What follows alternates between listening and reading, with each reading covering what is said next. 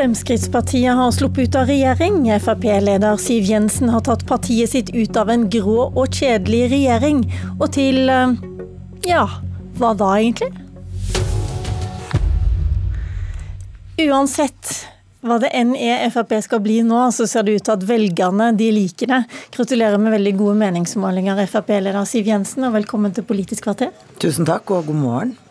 Alle disse nye stemmene som dere nå har fått, eh, hva får de mer igjen for stemmen sin av at dere nå er ute av regjeringen?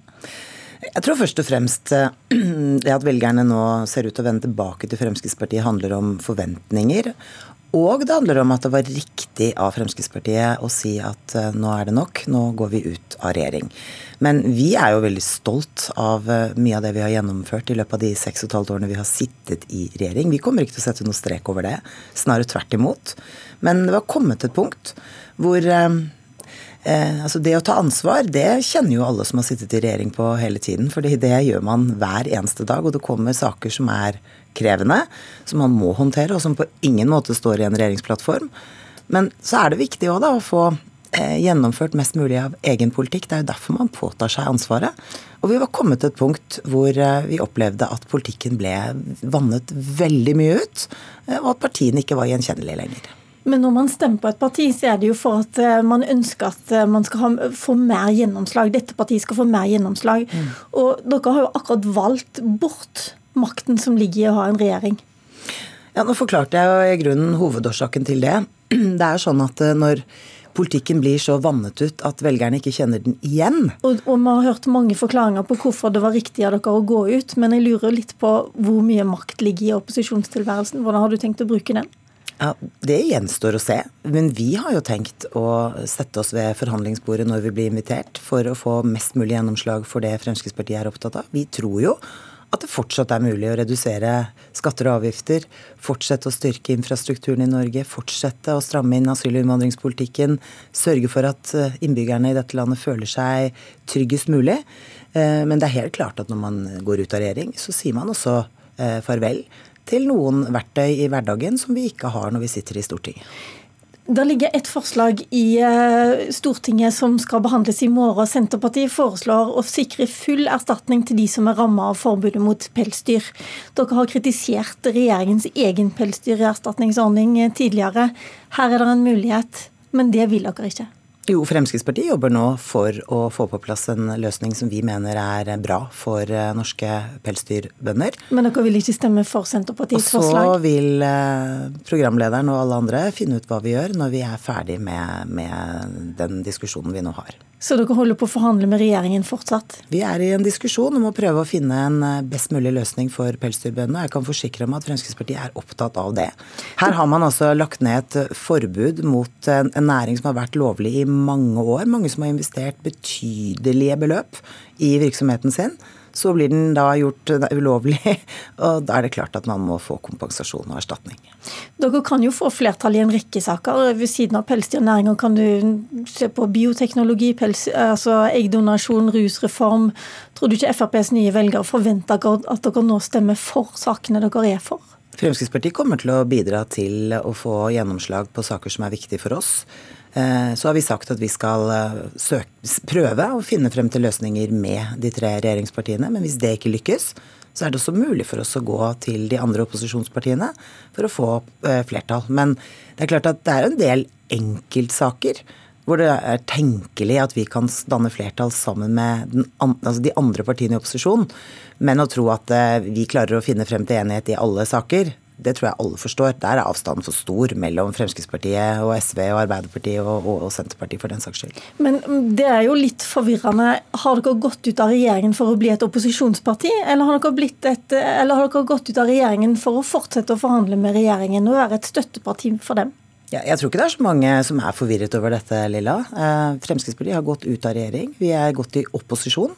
Eh, men så er det jo sånn at eh, hvis partiet, altså regjeringspartiene ønsker å komme til oss, for å få eh, saker gjennom i Stortinget, så setter vi oss gjerne ved forhandlingsbordet. Men vi skal ha gjennomslag for eh, god Frp-politikk. I tillegg til meg så har jeg lest en eh, stortingsrepresentant fra Fremskrittspartiet, Sivert Bjørnstad, som sier at eh, han er redd nå for at partiet er delt mellom dem som ønsker å ha et konstruktivt forhold til denne regjeringen, og dem som egentlig vil drive mest mulig opposisjonspolitikk. Det er ingen uenighet om dette i Fremskrittspartiets stortingsgruppe. Vi har hatt uh, gode drøftelser. Så han tar feil da, når han sier dette til Adresseavisa? Nei, uh, han har vel gitt uttrykk for en del av de diskusjonene som vi har hatt, uh, men som vi nå er ferdig med.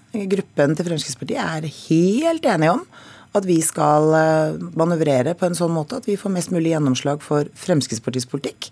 Det betyr at vi både kan diskutere med regjeringspartiene og vi kan diskutere med de andre opposisjonspartiene. Men det vi ikke er interessert i, er å la SV, Arbeiderpartiet eller Senterpartiet sette dagsorden for hva Fremskrittspartiet er eh, for eller imot. Vi har tenkt å fremme våre egne forslag. Så det betyr at selv om Arbeiderpartiet, Senterpartiet, SV MDG skulle hatt gode, gode, forslag som dere egentlig er for, så skal dere stemme, eh, lage forslagene sjøl?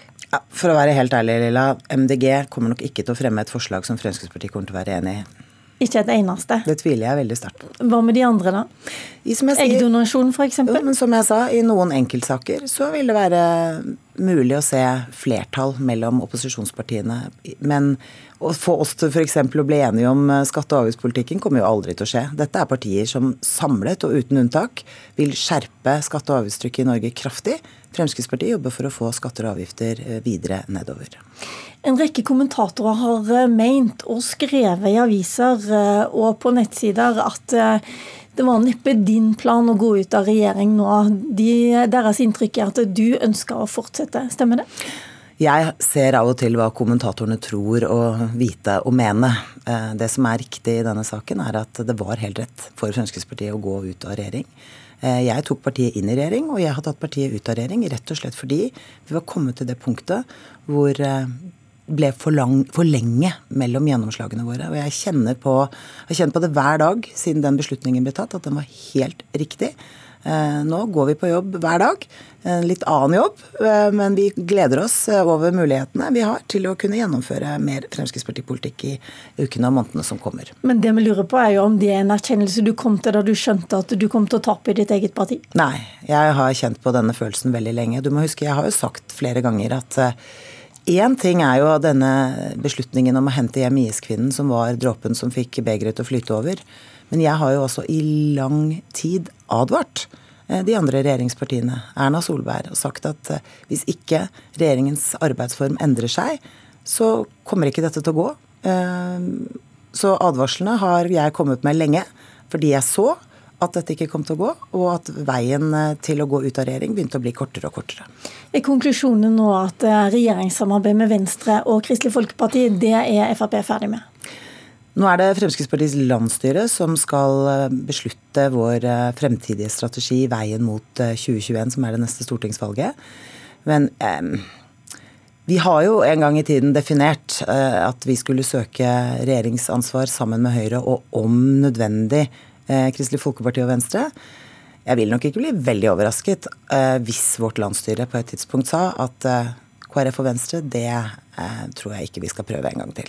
Hva vil FrPs leder si og mene om den saken?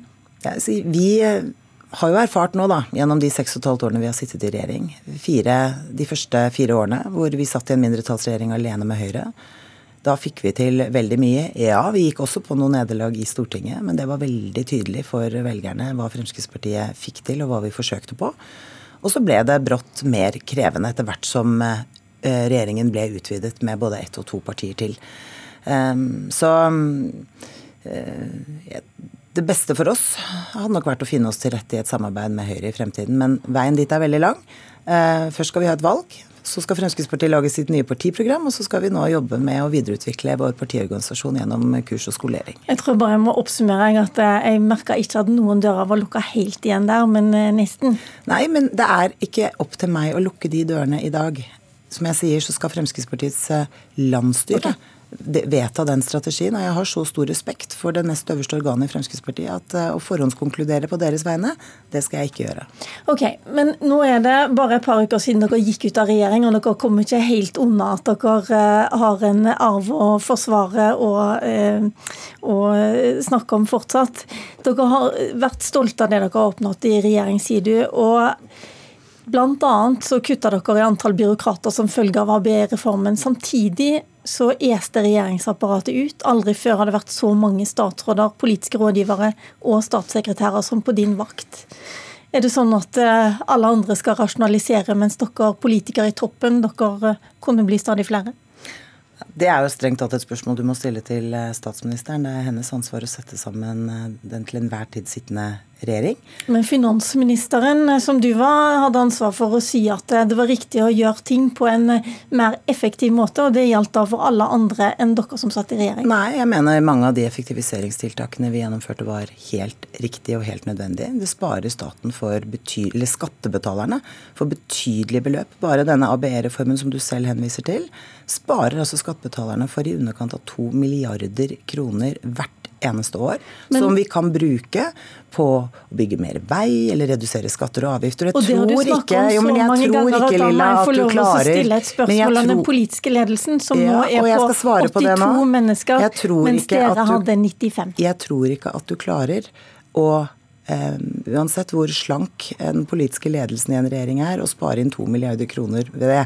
Sånn at her må man legge mange uh, gode innsparingstiltak oppå hverandre som bidrar til at vi holder orden i økonomien, eh, passer på skattebetalernes penger og frigjør de til tjenesteproduksjon. For det er jo det som er hele poenget. At vi skal bruke mer penger på eldreomsorg og veibygging og alt det der, og lavere skatter og avgifter, ikke minst. Grunnen til at jeg tar opp dette her, er jo litt sånn at dere snakker mye om liv og lære. I 2014 så sa daværende Frp-nestleder Per Sandberg at det virker som om noen har funnet svakheter i et system og utnytter det systematisk. Da snakker han om tidligere Ap-statsråder som oppretta rådgivningsselskap og fikk maks karantenetid etter at de slutta, og dermed maks etterlønn også. Han øh, var i Aftenposten før helga, og Aftenposten avdekka at nå er det Sandberg og to andre tidligere Frp-statsråder som har gjort nøyaktig det samme. De oppretter rådgivningsselskap og de får maks etterlønn. Er det på tide å stramme inn, eller eh, har dere bare endra oppfatning der? Nei, altså nå har vi også strammet inn regelverket en gang mens vi har sittet i regjering. Og vi har gitt klart og tydelig uttrykk for at vi er åpne for ytterligere innstramminger i dette. Men det som er bra med denne ordningen, er jo at det er en uavhengig nemnd som vurderer hver enkelt eh, sak i forhold til om man skal ha karantene, og i så fall hvor lang den skal være.